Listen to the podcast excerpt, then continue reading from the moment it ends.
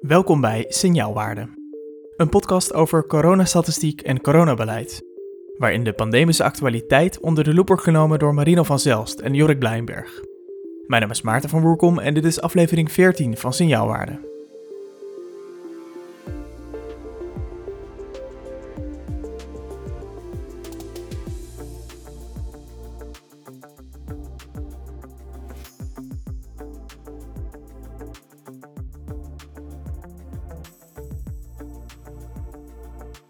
Goeiedag en welkom. Het is vandaag 4 juni 2021 en dat is dag 464 van de coronapandemie en een hele ja, fantastisch mooie dag eigenlijk, want het is de laatste dag van de lockdown in Nederland.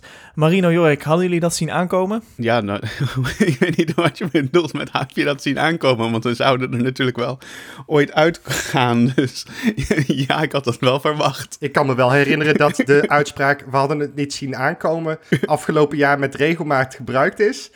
Maar toch niet in deze context, uh, Nee, heel goed. Heel goed. Anders had ik jullie ook wel uh, ja, qua duiding wat, wat uh, minder hoog op het laddertje gezet, denk ik. Maar um, gelukkig kunnen we gewoon door. En we hebben een hoop uh, te bespreken, denk ik. We, we maken weer een aflevering met z'n drieën zonder expert. Heel leuk om te noemen is dat volgende week viroloog Marion Koopmans aanschuift. Um, dus dan alle duiding op het gebied van de virologie um, en haar werk binnen deze coronapandemie. Waar we het vandaag over gaan hebben, uh, dat is eigenlijk uh, hoe we er nu voor staan. Dat hebben we vaker gedaan. En um, uh, dat is wel interessant, omdat we nu dus eigenlijk gaan versoepelen. Maar tegelijkertijd zien we um, varianten opkomen. En loopt de vaccinatie heel erg voorspoedig. Dus um, welke richting we nu opgaan, gaat het de goede kant op? zijn er risico's en welke dan? daarin nemen we je graag mee in deze aflevering. Maar eerst het numerieke kenmerk van de week, Jorik. 172. Dat is het aantal dagen dat we in lockdown zitten. Hoeveel maanden is dat, uh, Marino? Zes. Ja, zes. En bijna zes. Jullie zijn zo goed met getallen, hè? Ongelooflijk. Hoofdrekenen is niet normaal. Ja. nee, maar, maar bedoel, realiseer je het ook even, hè? Zeg, bijna zes maanden in lockdown, zeg maar. Dus we zitten eigenlijk gewoon sinds 14 oktober. Wat is het? Is het klopt het Nou, we hadden natuurlijk eerst de, de gedeeltelijke lockdown.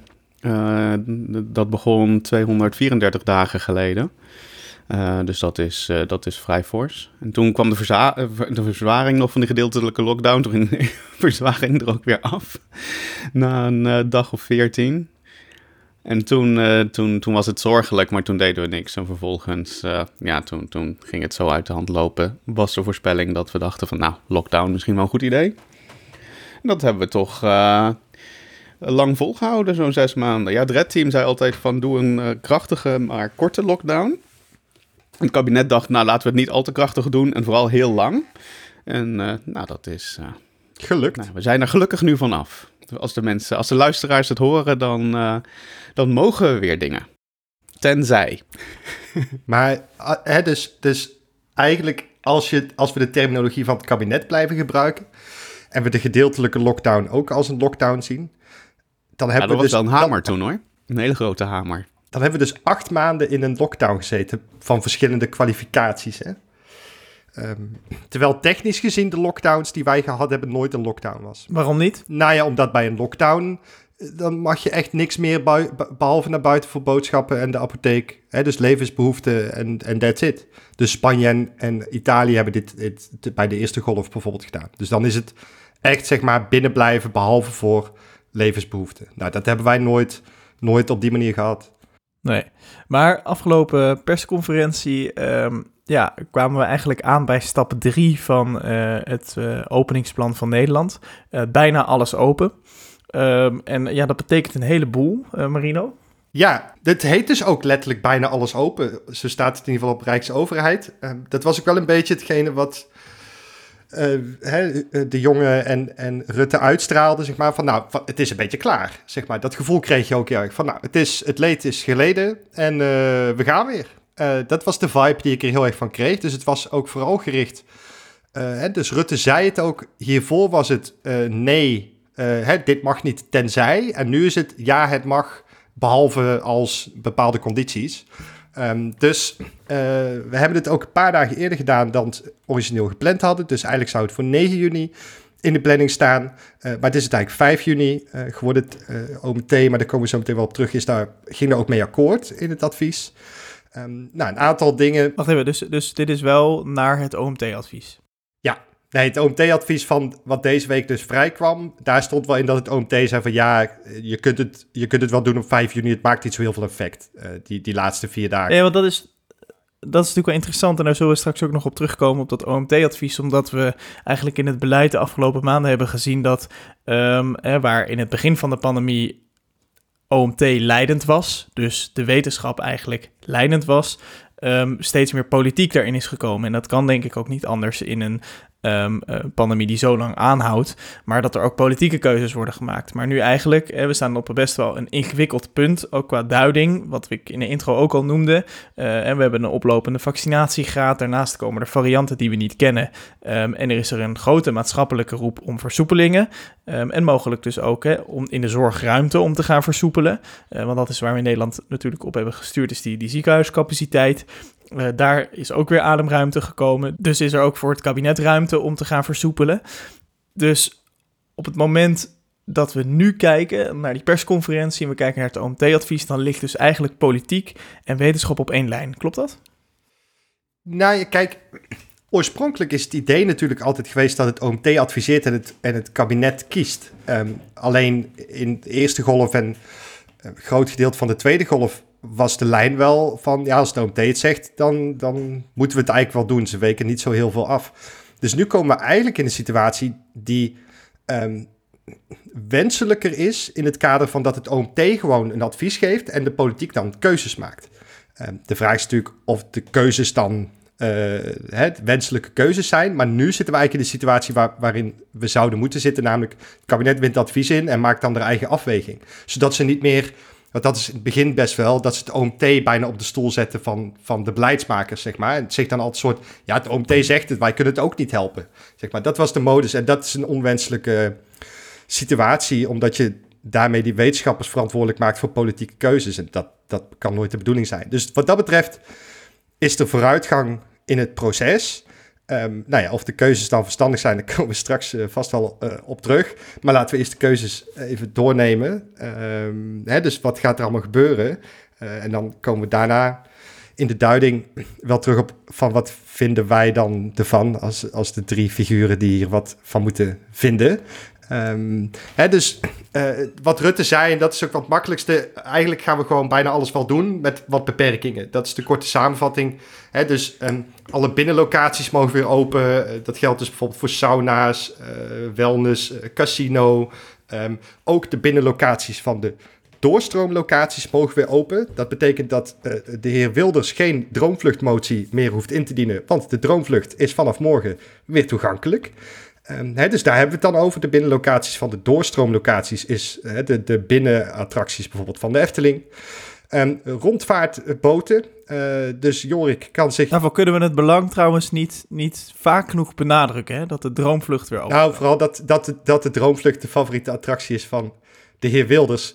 Um, want er zijn allerlei leuke attracties in Nederland en, ik, en het is je eigen perspectief of de droomvlucht dan het meest relevant is. Maar Ehm, daarbuiten kunnen de rondvaartboten mogen ook weer uh, uh, gaan knallen. Dus Jorik kan weer door Amsterdam toeren met een rondvaartboot in plek van normale boten. Ja, Amsterdammers hebben of zelf een boot, maar die gaan zeker niet op de rondvaartboot. Dat is wel, dat is not done. Nee, wat ook not done is, is voetbalwedstrijden kijken in het café, maar het café gaat wel open. dus uh, we kunnen weer in het café zitten met maximaal 50 mensen tussen 6 uur s ochtends en 10 uur s avonds, inclusief drank tot en met 10 uur s avonds. Maar um, we gaan niet voetbal kijken. Uh, daar ging ook echt uh, bijna 10 minuten van de persconferentie werd aan dit thema besteed. Want journalisten hadden vragen over, ja, wat, de, voetbal, hè, het EK begint natuurlijk volgende week 11 juni. Um, maar ja, hoe moet het dan? Nou, dat was niet de bedoeling. Dus er mogen geen schermen opgehangen worden. En toen ging het nog een tijdje over, ja, hoe ga je dat dan eh, controleren. Gaan er dan boa's, zeg maar, schermen uitzetten. Nou ja, dat was dan een beetje het idee, zeg maar. Dus, ik zie het ook echt ik, al ik voor had ook zoiets, ja. jongens, dit is natuurlijk in de praktijk gaat dit, gaat dit gewoon niet gebeuren. We kunnen ook weer uit eten. Eh, dus dat is eh, natuurlijk mooi eh, voor de restaurants. Binnen ook? Ja, ja, ja, dat geldt ook binnen. Dus alle, we noemen dit de droge en de natte horeca. eh, die mogen allebei weer eh, binnen open. Dus droge horeca is een restaurant en natte horeca is gewoon eh, eh, bar, café, biertje. Eh, mag allemaal weer open. Wel weer paniek vandaag in de krant dat, eh, dat ze dan weer geen personeel hebben dat ons kan bedienen. Maar dat is dan weer van andere orde. Dat, nou, dan kun je het afhalen en dan zelf daar opeten. Dat, misschien is dat dan een beetje de continuering van het afgelopen half jaar eigenlijk qua afhalen. Ehm, en cultuur mag weer open. Fijn, hè? een soort overgangsperiode krijg je dan. We moeten toch een beetje wennen. Zo, om even te wennen. Ja, al die, al, al die vrijheden, zeg maar. Het, ja, Ja. wordt, wordt wel Ja. over je uitgestort hoor, op deze manier. Ehm, nou, theater open, bioscoop mag weer open, concertzalen, maximaal 50 mensen. Behalve als er meer dan 1000 kunnen zitten, dan eh, mag het 250. Hè, dus dan hebben we het over formaatje carré en zo, dat soort dingen. Daar mogen dan weer 250 mensen zitten. En dan heb je nog de categorie overig, eh, namelijk alcohol mag weer tot eh 10 uur en andere genotsmiddelen. Eh, sporten in groepen mag weer en dan hoeft de anderhalve meter niet gehandhaafd te worden. Ehm, wedstrijden mogen weer, kleedkamers weer open. eh, en publiek bij professionele wedstrijden, oftewel eh, voetbal. Het seizoen is net afgelopen, dus je hebt er helemaal niks aan.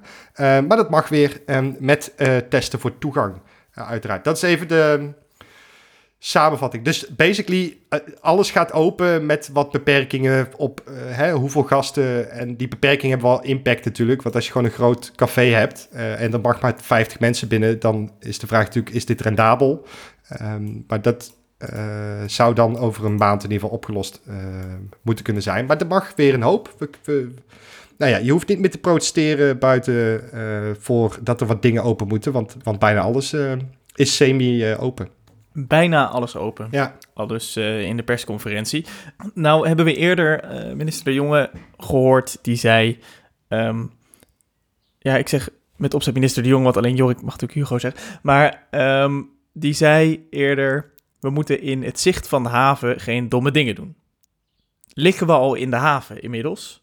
Is eigenlijk mijn eerste vraag. Nou, het antwoord is wel simpel. Dat is nog niet zo. Dus we liggen nog in het zicht van de haven. We zien de haven wel en hij komt dichtbij. Dus dat is, dat is wel fijn. Ah, maar dat, dat klinkt dus als in het zicht van de haven.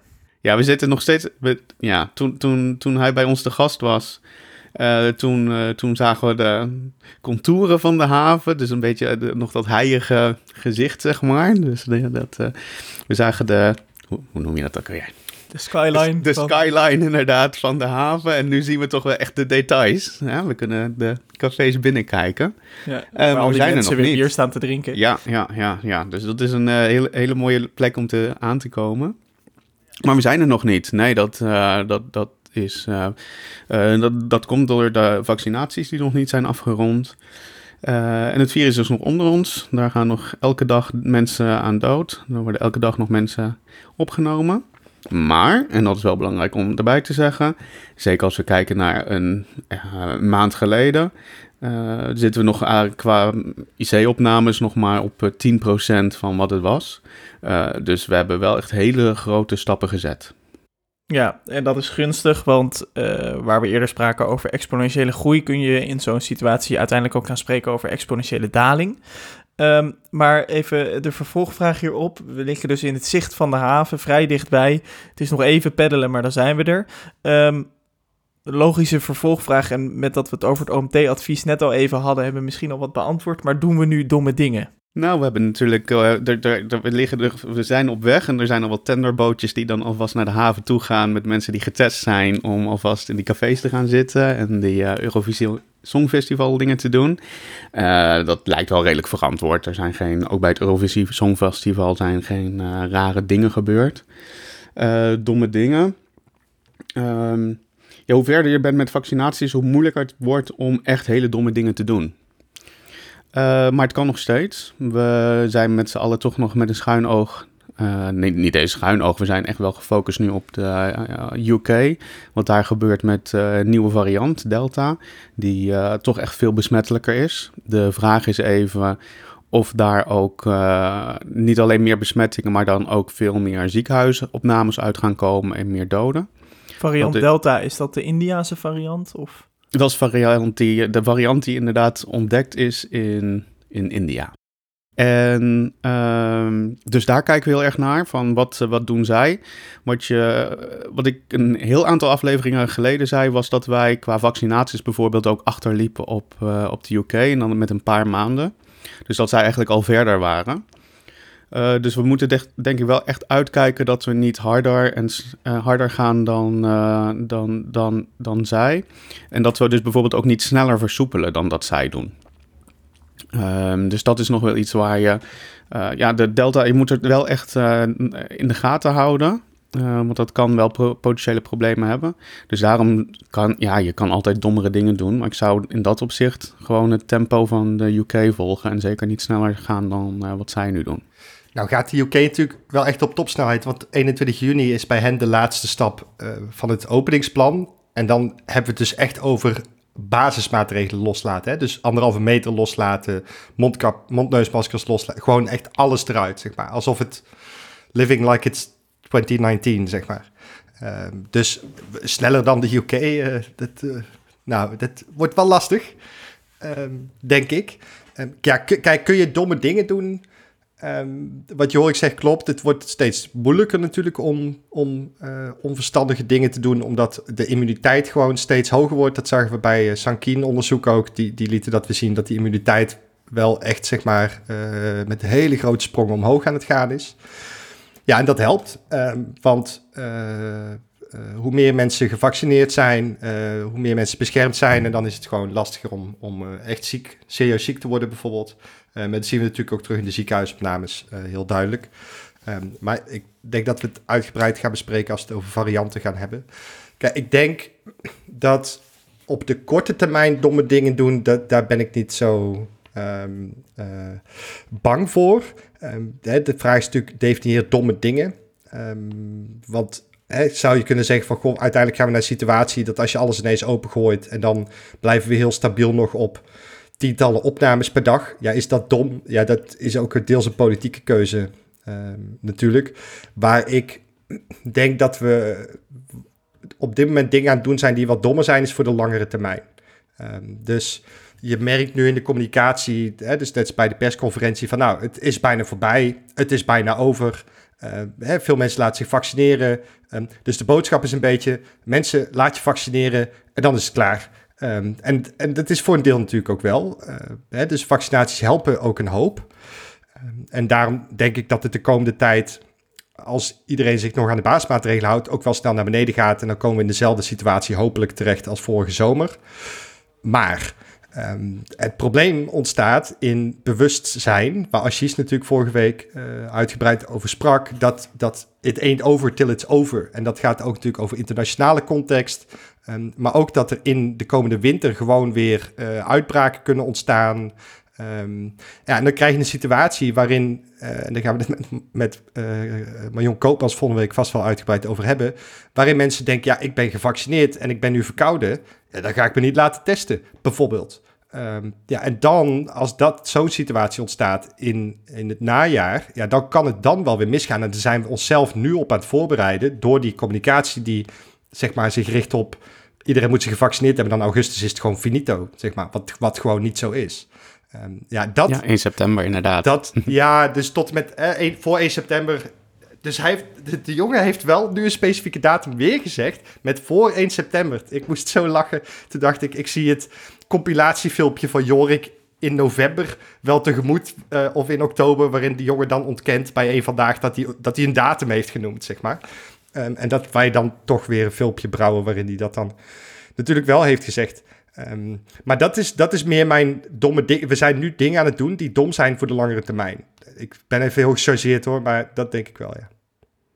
Ja, la laten we even doorgaan naar die varianten. Want die, die, dat, dat, dat vind ik toch interessant.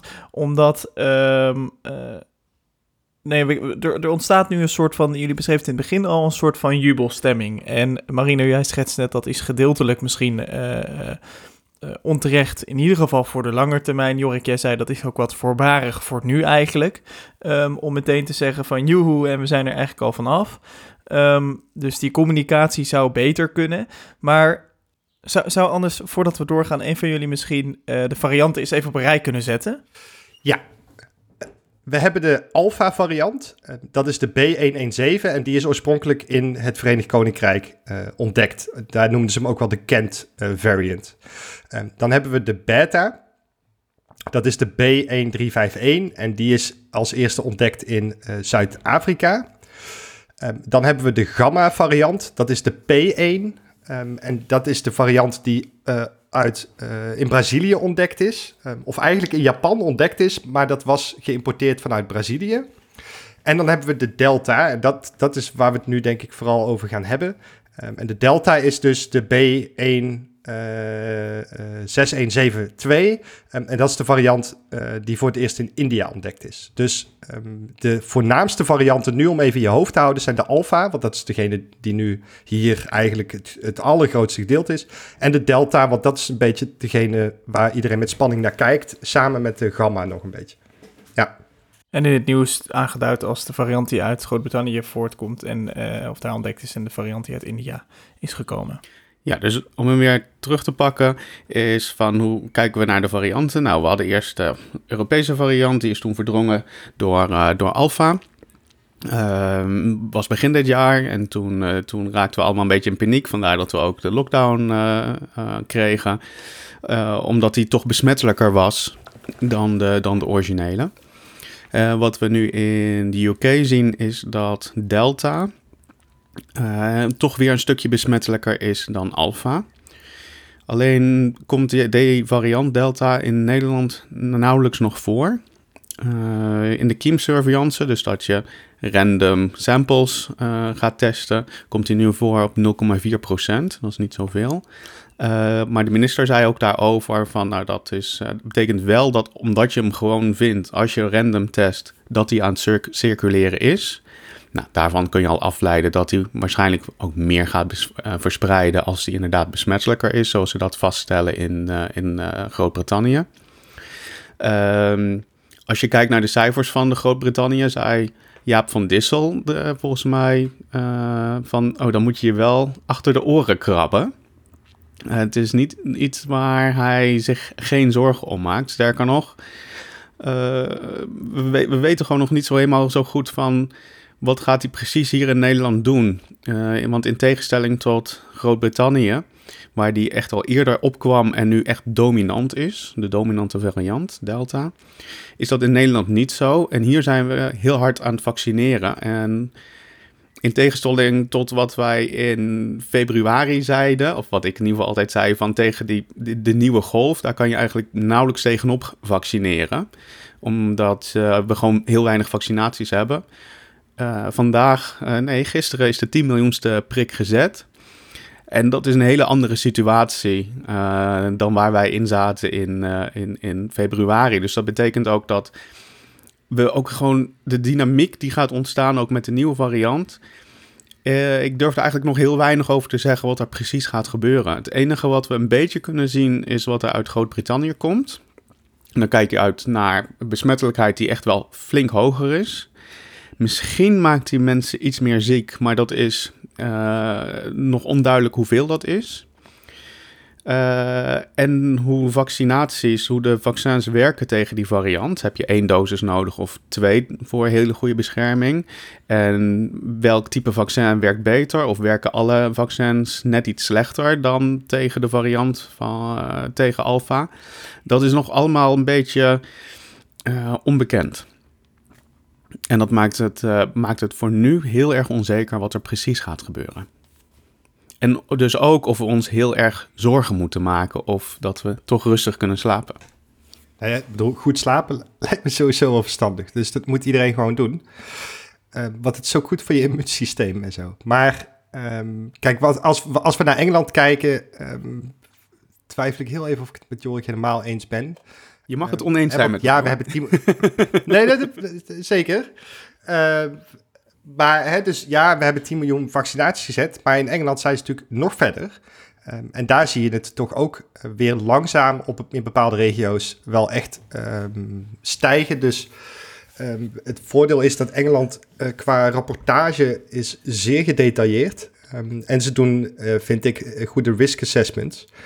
Dus het Britse RIVM, de Public Health England, ehm, die komt om de paar dagen met een nieuw technisch rapport. Ehm, en daaruit blijkt inderdaad, nou ja, dat de, ze zijn ondertussen heel erg overtuigd dat de uh, Delta-variant uh, echt besmettelijker is. Het lijkt erop dat die ook weer 50% is uh, besmettelijker is dan de um, Alpha-variant. Um, en er is enige indicatie dat het ook wat ziekmakender is, maar dat is heel preliminary, dus daar is heel weinig data over inderdaad. En, en dat is het waar iedereen nu een beetje met argusogen naar zit te kijken is dat die vaccins wel, wel prima werken, maar echt wel weer minder um, dan bij uh, de, de andere varianten. Um, en dat zit vooral in de eerste prik. Um, dus twee prikken geeft gewoon best wel prima bescherming. Het is wel, het is wel minder, uh, 10% ongeveer in, in verminderde effectiviteit. Hè. Dus dan zakken we van uh, bij besmettingen, want daar hebben we de beste data over tot nu toe, uh, bijvoorbeeld bij de Pfizer is ongeveer 90, 95 procent effectief tegen het voorkomen van besmetting. Nou, dat zakt dan naar, naar 80, 85.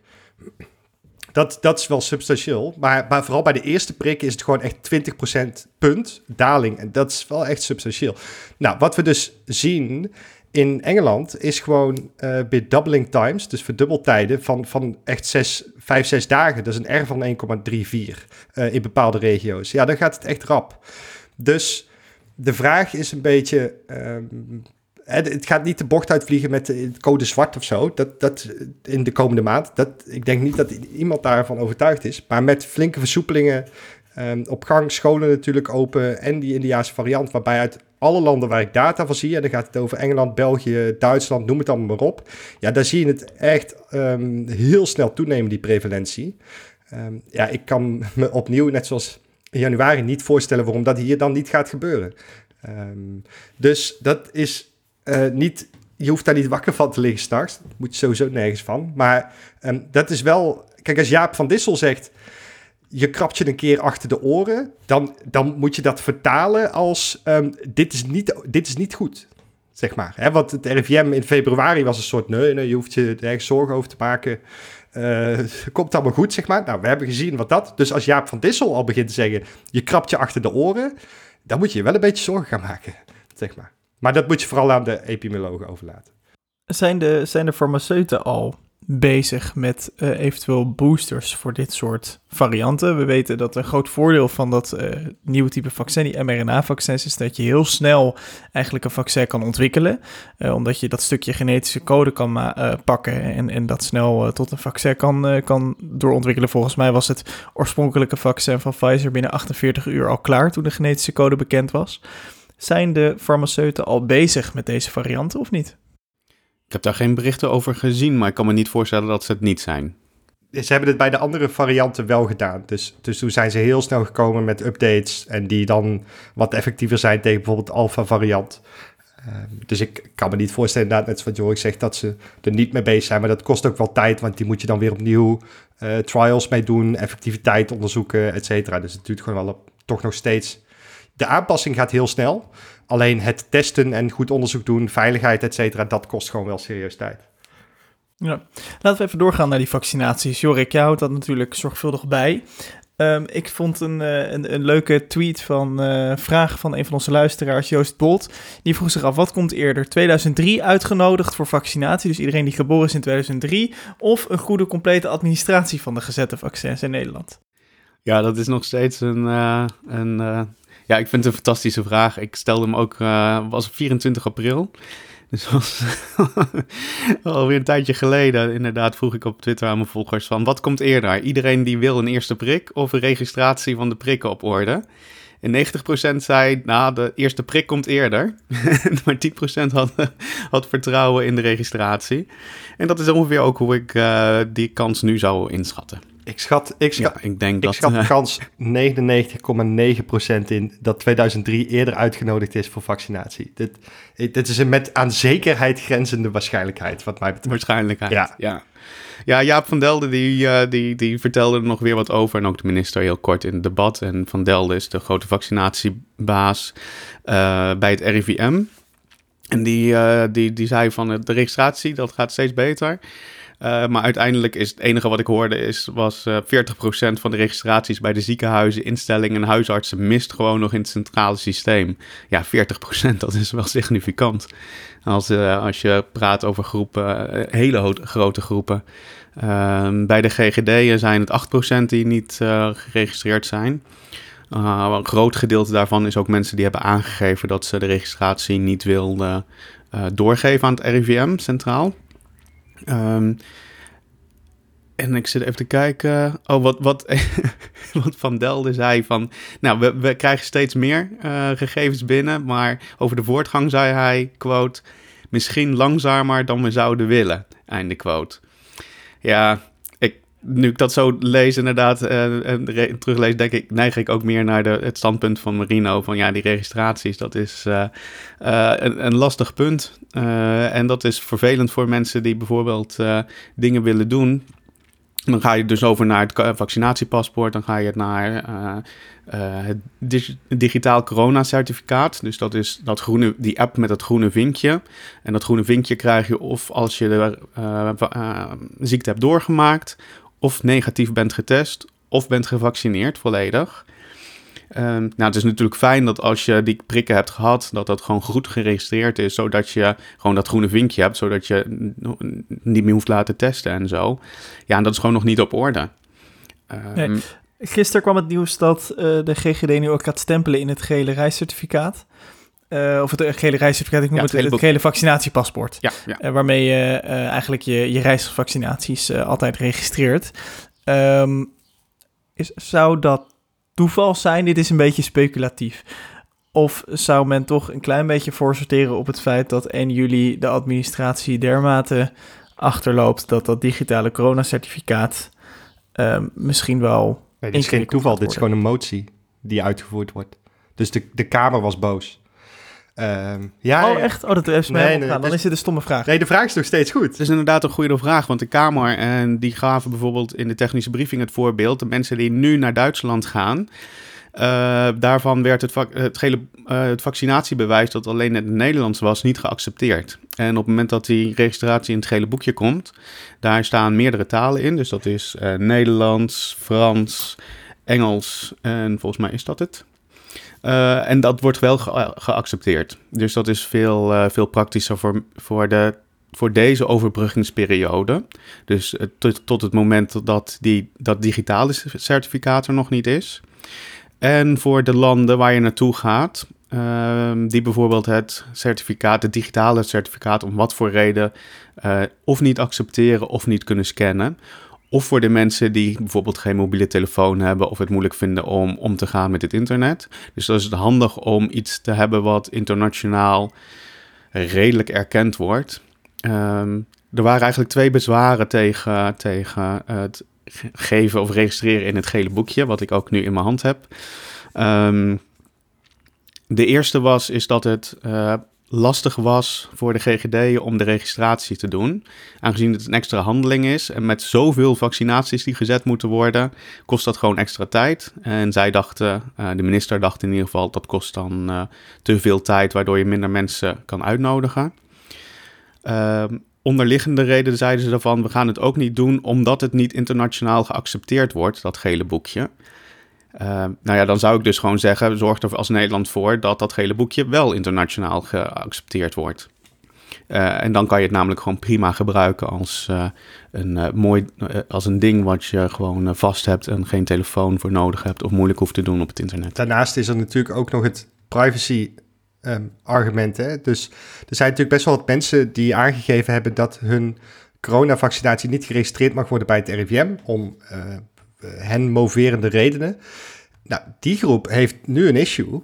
Um, en daar zijn ze dus nu mee bezig om dat op te lossen, omdat die mensen dus niet een QR-code in, in de corona-vaccinatie-app Europees kunnen krijgen. Nou, die moeten dan dus terug. Uh, hoe dat precies geregeld gaat worden, daar zijn ze bij VWS heel druk mee bezig. Um, ik vraag me ook af, uh, als we het hebben over wat is eerder, of die mensen dat, of het op tijd geregeld is, zodat die mensen gewoon op vakantie kunnen. Um, dat is een klein beetje eigen keus, toch? Nee, maar dat wist je dus niet, hè? Dus, dus er zijn best wel wat mensen die niet wisten dat die keuze dit gevolg zou hebben. Ehm, want dat werd niet eh, in de voorlichting er duidelijk bij vermeld, voor zover ik uh, begreep. Dus, dus was niet dat jij soort nee, dat van, kwam inderdaad later. Het was niet dat jij gevaccineerd wordt en dan, ja. nou, je, hè, wil je geregistreerd worden, dan zeg je nee, dat wil ik niet. En dat dan de reactie is, ja, maar dan mag je niet op vakantie hè, van de zomer, zeg maar. D dus er moet nu ineens een oplossing. Dat wordt er overigens nu, werd dat inderdaad ook door huisartsen bijvoorbeeld er meer bij verteld. en dan, dan zie je dat mensen wel denken van, oh, misschien wil ik het dan wel doorgeven aan het RIVM, want vakantie... Daarnaast was er een huisarts die, die een mooi draadje schreef over... ik ga jullie even meenemen in alle handelingen die ik moet doen om dit vaccin te registreren. Ja, ik ben, ik ben blij dat ik geen huisarts ben. Uh, maar toen reageerden er ook van die IT'ers die dan een soort... luister, het systeem is gewoon goed, dus jij begrijpt het niet. Het echt, dat ik echt dacht, het is, jongens, het systeem dient toch die huisarts.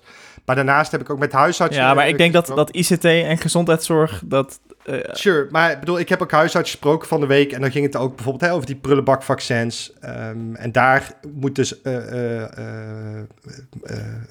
manual registratie plaatsvinden. Uh, en dat gaat dan ook weer niet, want daar het systeem is daar niet opgebouwd. Dus die prullenbakvaccins, um, die zijn heel lastig in te voeren, omdat het systeem dan zegt, ja, maar dit begrijp ik dus niet. Um, dus er zijn een heleboel issues met die registratie, omdat het natuurlijk een hele grote waaier is aan allerlei complexiteiten. En het verhaal wat we steeds horen is, we zijn ermee bezig, het wordt op orde gebracht. En ondertussen hoor je niets anders dan klagen de huisartsen, uh, mensen die nu graag op vakantie willen met een soort, ja, maar, maar om privacy reden of whatever wil ik niet dat de RIVM dit wist. Kan ik nu nog wel op vakantie? Ja, ik, ze, het VWS heeft ongeveer drie weken om dit op te lossen. Want dan begint de vakantie. Dus ik, ik uh, vanuit de vraag van Joost aan het begin, uh, ik denk niet dat het op orde gaat komen, maar het is wel echt hard nodig. Um, ja. Ja, het was, uh, het was vanaf het begin al hard nodig en ik heb dat eigenlijk altijd al uh, geroepen. En dat was ook een van de vragen die we kregen van de luisteraars. En ik moet even kijken wie dat ook alweer vroeg, namelijk welke uh, data zou je nog willen, graag willen hebben? Dat was Joost Bolt. Die vroeg welke data zouden jullie nog graag willen hebben vanuit het RIVM slash GGD uh, en wat is nog niet publiekelijk beschikbaar?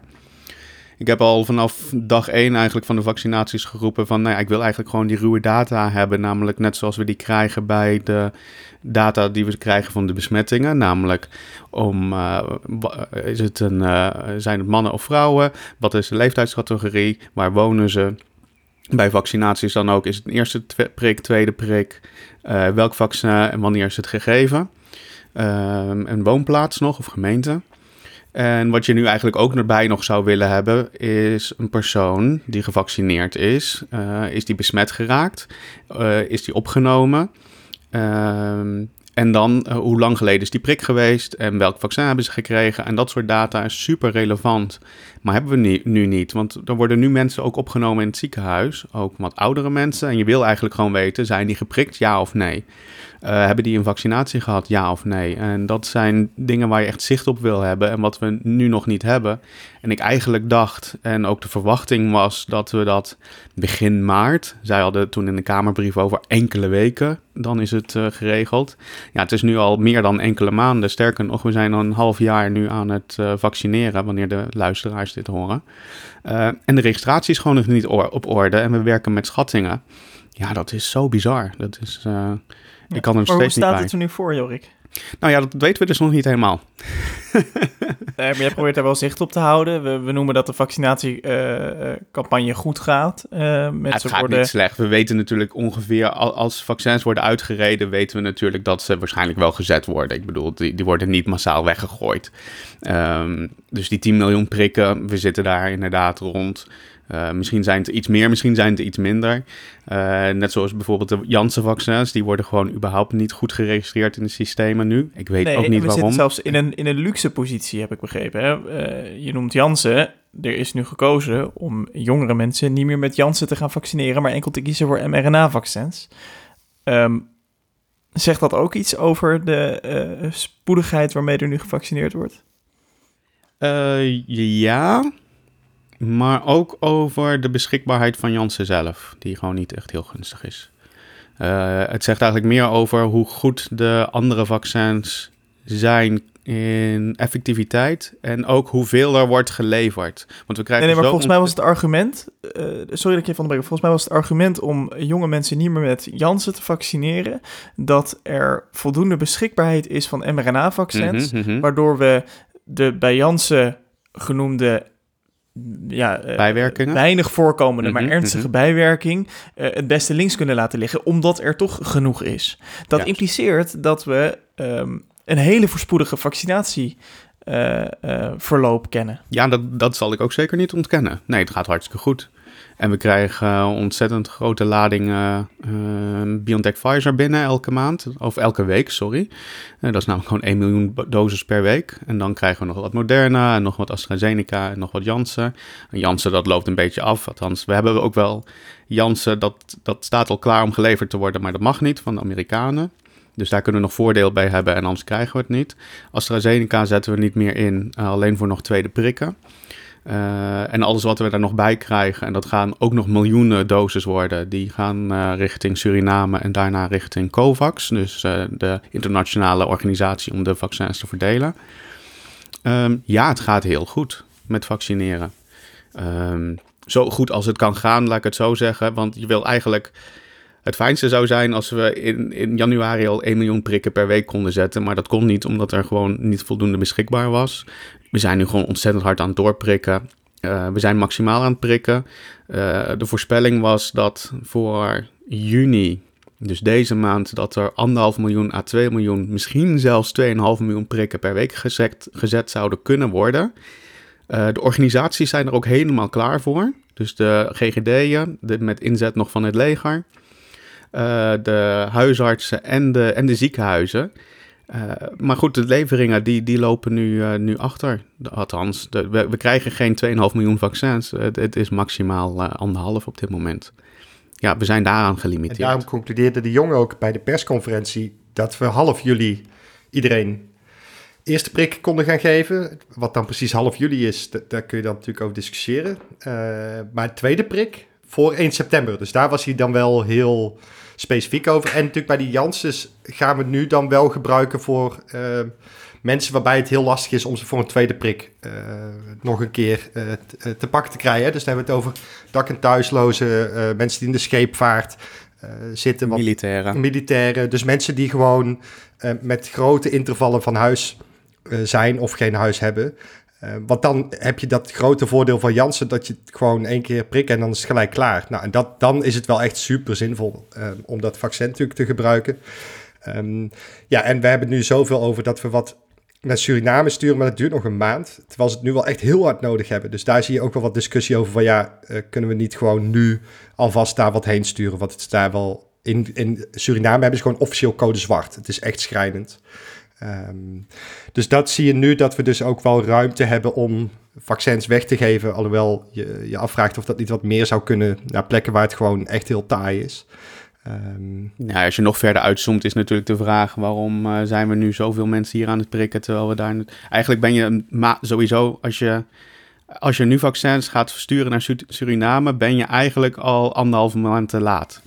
Dus eigenlijk hadden we al eerder moeten beslissen, natuurlijk, om eh, de vaccins eerlijker te verdelen. Maar dat is iets wat je wereldwijd eigenlijk eerlijker had moeten doen. Maar ja, daarvoor zijn we een rijk land dat eh, liefst eh, zichzelf eerst prikt. En daar lijkt het nu goed te gaan. En is dat dan ook waar het OMT ehm, een beduidend positief advies op stoelt? Eh, is het OMT eigenlijk zo positief gestemd omdat die vaccinatie zo goed loopt? Nou, een maand geleden eh, was het natuurlijk zo dat eh, de, de modellering was super onzeker. Dus de, toen was de vraag van gaan we nu versoepelen of een week later? Of wil je die daling zien in de cijfers? Dus niet alleen in de modellen, maar echt in de cijfers. Nu wat het eigenlijk is, is dat welke maatregelen ook worden genomen. In de, model, in de modellering zie je eigenlijk geen verschil qua daling. Dus er, er gebeurt gewoon niet zoveel. Dus wat het kabinet nu eigenlijk ook doet, ja, je moet het echt wel heel bond maken. Wil je de, het aantal ziekenhuisopnames ehm, significant minder hard laten dalen. Want we, waarschijnlijk dalen we, blijven we gewoon dalen tot, eh, tot eind van de Dat- zomer. Klopt, klopt. Maar wat mij opviel is dat ehm, ook in de technische briefing Jaap van Dissel zich wel achter de oren krabt over de Delta-variant. Maar meer dan krabben was het ook niet echt. Dus je zag het niet in uh, de prevalentiemodellering. Dus welke variant um, gaat het overnemen over tijd. Dan kijken ze wel naar de gamma-variant, dus die in Brazilië is ontdekt. Um, alleen die delta niet. En dat, dat kan, die kan wel echt nog wat roet in het eten gaan gooien. Kijk, gaan we weer naar 800 patiënten op die IC voor de zomer? Nee, nee uiteraard niet. Daar, daar hebben we echt genoeg voor gevaccineerd.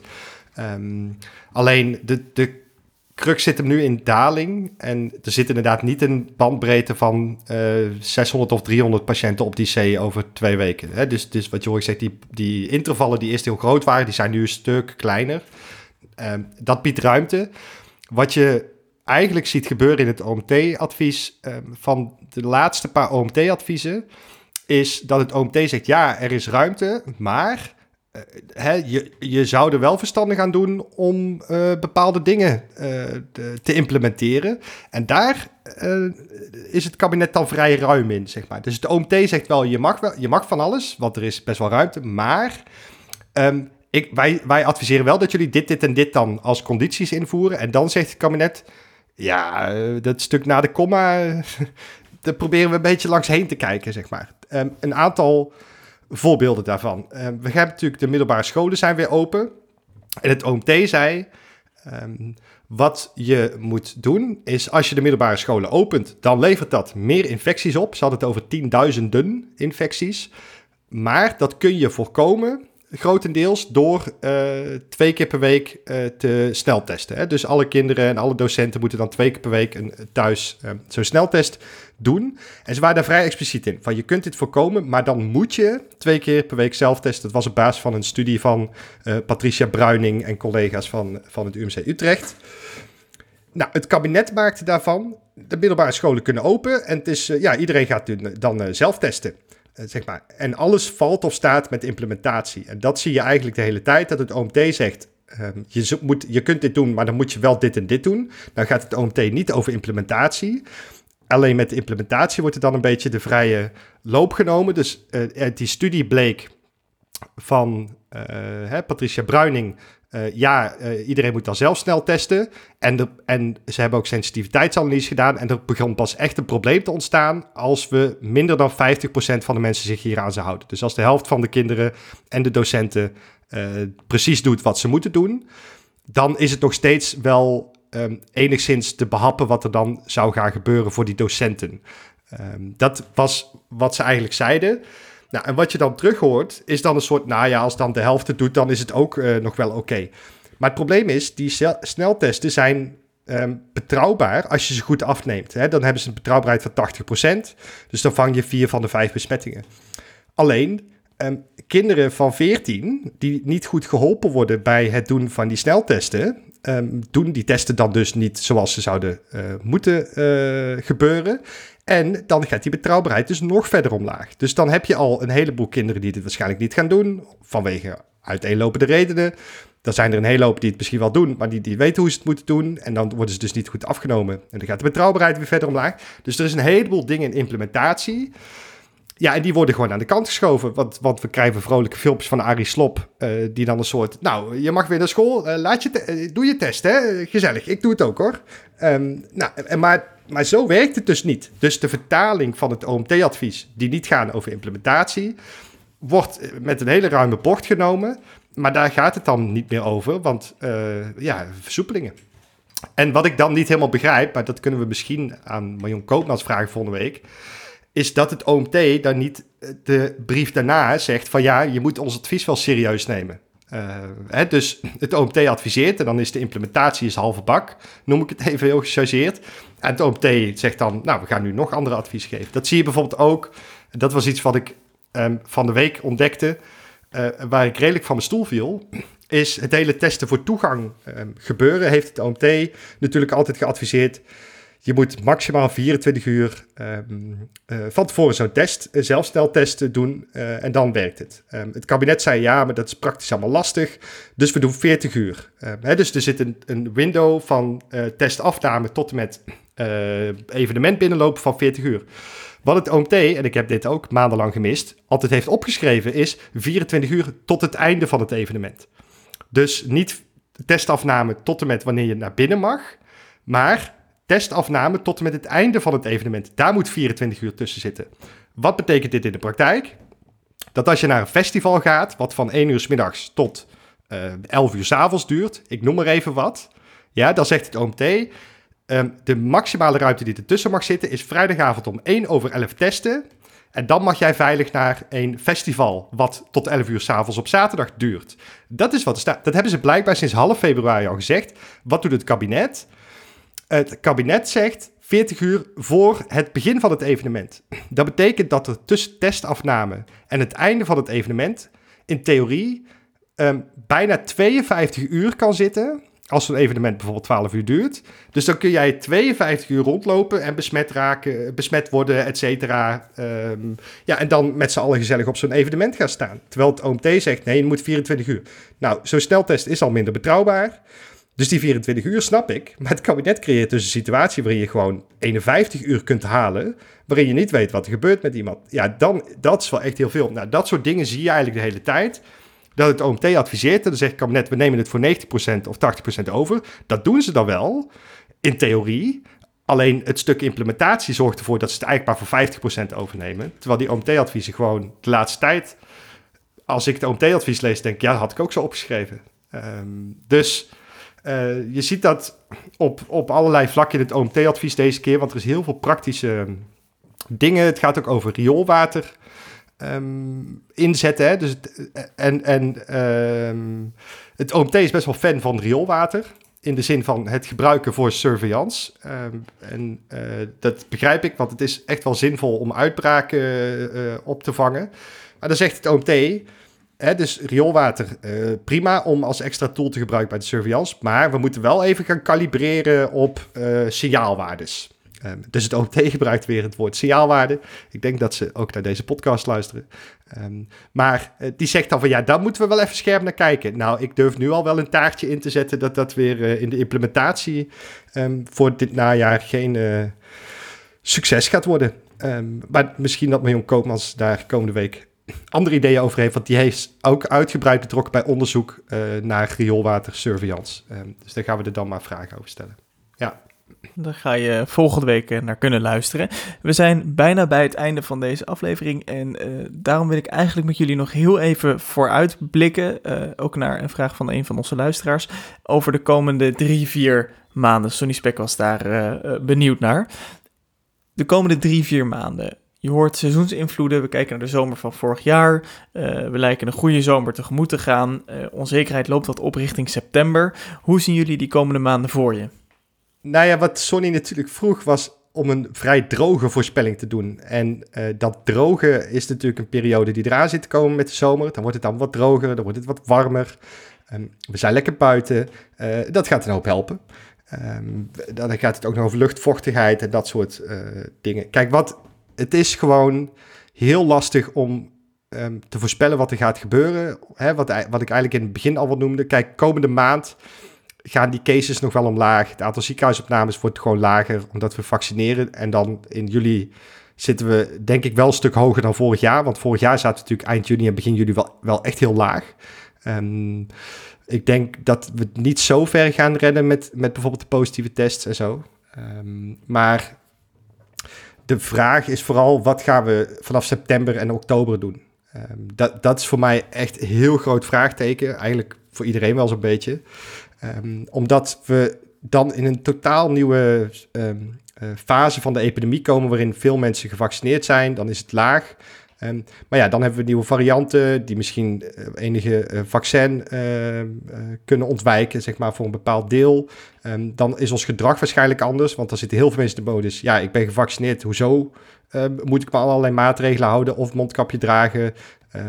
dus het, het is heel lastig om zeg maar voorbij de zomer te denken. Um, om, omdat we gewoon niet weten hoe lang die vaccins stand houden, wat die varianten gaan doen, um, et cetera. Um, ja, en dat wordt het lastig. Eh, Sonny vroeg ook naar de noodzakelijkheid van het vaccineren van tieners. Dat zou ik echt aan een immunoloog of een viroloog willen, willen overlaten. Hè, er is onderzoek wat uh, Marion Koopmans besprak bij Virusfeiten, andere podcast. En die zei van ja, er is onderzoek wat laat zien dat als je eh, veel kinderen hebt, dan moet je echt alle volwassenen gewoon maximaal vaccineren, want anders haal je die herd immunity, die groepsimmuniteit threshold niet, waar we naar op zoek zijn met z'n allen. En de game is eigenlijk, kunnen we met vaccins de R onder de 1 houden, want dan, dan is het prima. Um, zeg maar, want dan kan de epidemie gewoon niet groeien. Ja, dat wordt heel spannend, denk ik. Met onze uh, vaccinatiegraad, waar Jorik natuurlijk alles vanaf weet. Um, wordt het wel heel spannend uh, gegeven dat er ook heel veel heterogeniteit is. Dus in de Bijbelbelt uh, wordt veel minder gevaccineerd. In Urk was het volgens mij 35% van de 65-plussers, terwijl het in de rest van het land richting de 85 ging. Ja, uh, ik blijf weg van Urk in de winter. Even heel praktisch gezegd. Hè, dus zo moet die heterogeniteit een beetje zien. Dat als er weinig gevaccineerd is, dat dan de kans gewoon op uitbraken groot is. Dus mijn vermoeden is Um, dat we gewoon lokaal wel echt uitbraken gaan krijgen in de winter. Omdat mensen zich niet meer aan de maatregelen houden. Uh, lokaal er niet eh, 100% dekking is van de vaccinaties. Of in ieder geval niet, zeg maar echt hè, 80, 85. Ja, dan gaan we uitbraken krijgen. Uh, en dan wordt de vraag of die uitbraken dan weer bovenregionaal gaan zijn. Um, en dat is ook een plan wat Hugo de Jonge nu aan het ontwikkelen is. Dus een soort routekaart voor, voor het najaar, zeg maar. Die zou over twee weken ongeveer er moeten zijn. Um, als we half juni zien als over twee weken. Ja, dat, dat wordt wel echt de crux voor dit najaar. Dus um, een voorspelling doen op dit moment is extreem afhankelijk van wat het kabinet gaat doen. Um, en dat is wel echt een nieuwe game, uh, denk ik. Want hiervoor was het ook wel een beetje Um, een soort van, ja, iedereen weet wat hij moet doen. Weet je, je moet je aan de maatregelen houden, dat doe je dan wel of niet. Um, maar het was wel helder. Maar nu wordt, wordt het heel erg afhankelijk van wat het kabinet gaat doen. Ja, en dat weet ik niet.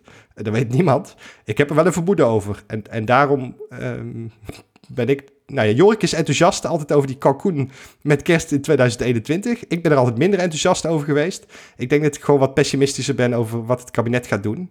Tot nu toe is dat pessimisme vrij realistisch geweest. Ja, dat, dat had ik ook met een ander overleg met iemand. Dat zei van, nou ja, als je de pessimisten volgt, dan heb je het meestal wel goed. Dan komt dat komt meestal wel uit. Uh, nee, ik kies dan altijd wel voor de wat optimistische eh, route. En ik ben nog steeds optimistisch over kerst.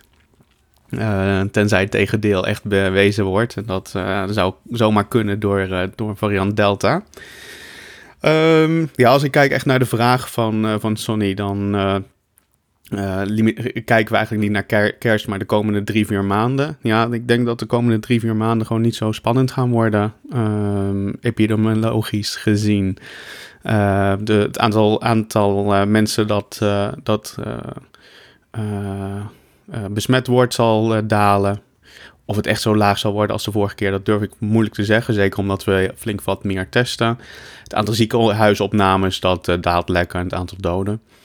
Um, noodzakelijkheid voor het uh, vaccineren van tieners. Nou, in mijn grafiekjes, of mijn blokjesgrafiek die ik altijd maak over uh, vaccinatiegraad, heb ik hem eigenlijk gelijk toen EMA zei van uh, we vinden het prima om te vaccineren Pfizer voor 12 plus. Heb ik die er gelijk bij gepakt, want ik kan me niet voorstellen dat we die groep niet gaan vaccineren. De grote vraag is eigenlijk vooral wanneer we ze gaan vaccineren. Um, de vraag, eh, want de, de, de, enige discussie die eigenlijk nu nog leeft is van ga je eerst de Nederlandse jongeren vaccineren of kwetsbaren in het buitenland? Uh, gezien het beleid van de Nederlandse regering denk ik gewoon dat we lekker voor onszelf kiezen. Um, dus ik, ik ga daarvan uit dat ook uh, eh, 12-plussers, zeker voordat schoolvakanties afgelopen zijn, dat die misschien ook wel een uitnodiging op de mat hebben gekregen. Um, dan vraagt hij nog naar de worst case scenario's voor het na, najaar. Ja, dat is echt als, uh, als, Nou ja, we hebben het net over Delta gehad, waarvan het misschien zou kunnen zijn dat die, de vaccins daar net iets minder goed tegen werken. Stel dat we een variant hebben die hier nog niet in het lijstje staat. Uh, dat zou echt een worst case, scenario zijn, die ook uh, uh, ervoor zorgt dat uh, vaccins niet werken. Ik ben daar overigens wat minder pessimistisch over dat dat ook daadwerkelijk zal gebeuren, omdat je toch um, het spike-eiwit hebt. Um, wat je in het vaccin stopt. En ik verwacht eigenlijk altijd wel dat er iets van immuniteit zal zijn. Uh, maar goed, dat, dat gaan we echt zien. Ja, ik vind nog het fijn ook wel dat je nog een, positieve noot uh, eraan breidt, uh, Jorik. Want ik wilde ja, ik vind, afsluiten. Ik vind het... ik vind het, de, de komende drie, vier maanden zijn lastig. En dat was ook al wat ik helemaal aan het begin vorig jaar, of eind vorig jaar zei van... ehm, waarschijnlijk komt kerst wel goed, maar de, de, gewoon het hele jaar zelf, met het, het hele proces met vaccineren, dat, dat geeft zoveel vragen, zoveel frictie, zoveel keuzes die je moet maken, zoveel onzekerheid ook in de samenleving, dat het gewoon een ontzettend lastig jaar is. Marino, jij nog een positieve noot? Ik weet dat we eerdere afleveringen wilde je altijd weten, kan, kan ik in het café zitten met de... Hè? Ja, maar dat kan ik al. Nee, daarom, maar dat hadden we dus gelijk met die voorspellingen. Ja. En daarom dacht ik, laten Ja. we dan voorspellingen voor het najaar vastleggen. En, eh, en Oh, daarop, vertel. daarop ons vastpinnen. Ehm, mijn, Nou, en we mogen, mogen dus ook reizen ook straks weer waarschijnlijk. Dus dat hadden we ook goed. Dat was ook een van de vragen van, eh, van Maarten. die toen. voorspellingen zijn allemaal In uitgekomen. Ehm, Ja, alleen ja, mijn, ja, ja. het probleem is de voorspellingen die ik nu ga doen. Ik hoop dat ze niet uitkomen, maar ik denk het wel. Mijn vermoeden is dat ehm, eh, we in de komende winter op een bepaald moment... dat thuiswerken eh, in bepaalde regio's... omdat we echt op regionaal beleid overgaan... thuiswerken weer, ehm, zeg maar... als je thuis kan werken, ga je thuiswerken. En ik vermoed dat er ook mondneusmaskers gedragen gaan worden. Ehm, dat, om, omdat, om, omdat, omdat we uitbraken eh, gaan krijgen lokaal. En ik denk dat, ze, dat we daar toch ehm, dan regionaal, dus dan hebben we het bijvoorbeeld over veiligheidsregio's, dat er dan toch bepaalde maatregelen genomen hoeft te worden. Zeker niet 2020, dat is positief. Dus we gaan 2020 niet meer overnieuw doen. Ehm, als je iets enthousiast wil horen. Maar, maar mijn voorspelling is wel, er gaan, e- ik denk echt dat we de komende winter, als er niet iets gauw gaat veranderen in ehm, het beleid van het kabinet eh, en, en communicatie omtrent gedrag en eh, hoe wij collectief moeten omgaan met infectieziekten, dat we echt terugzitten aan bepaalde basismaatregelen komende winter in bepaalde regio's. Nou, dat moet je ook gelijk breder trekken, omdat eh, de bedoeling is dus dat we anderhalve meter gewoon los kunnen eh, laten in september. Betekent dat andere infectieziektes ook weer hun gang kunnen gaan. Dus ik ben zelf best wel geïnteresseerd wat griep gaat doen. Het influenzavirus.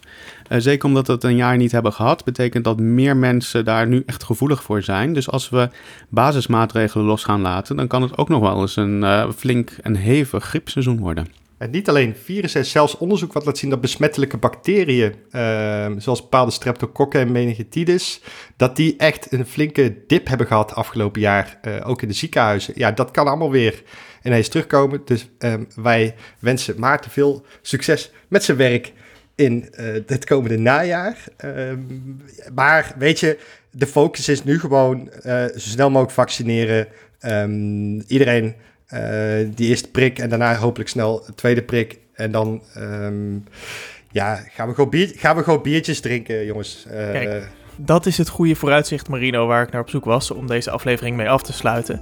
Want we zijn hiermee aan het einde gekomen van deze aflevering van Signaalwaarde.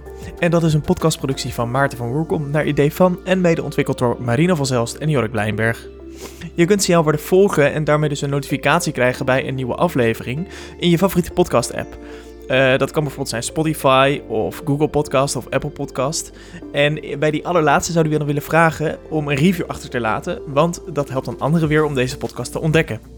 We willen onze grote dank uitspreken voor de mensen die Signaalwaarde financieel hebben gesteund. Want met jullie bijdrage houden we de podcast online en zorgen we voor een nog beter eindresultaat. Financieel bijdragen aan Signaalwaarde kan door vriend van de show te worden. Ga je voor naar vriendvandeshow.nl slash signaalwaarde en meld je aan. Daarnaast is het mogelijk om bij te dragen via een tikkie. Ga voor naar onze eigen website signaalwaarde.nl en klik op de button bijdragen. Op deze website kun je ook je vragen kwijt voor een uitzending of je feedback insturen, want daar zijn we altijd benieuwd naar. Dit was het voor deze keer. Bedankt voor het luisteren en tot de volgende aflevering.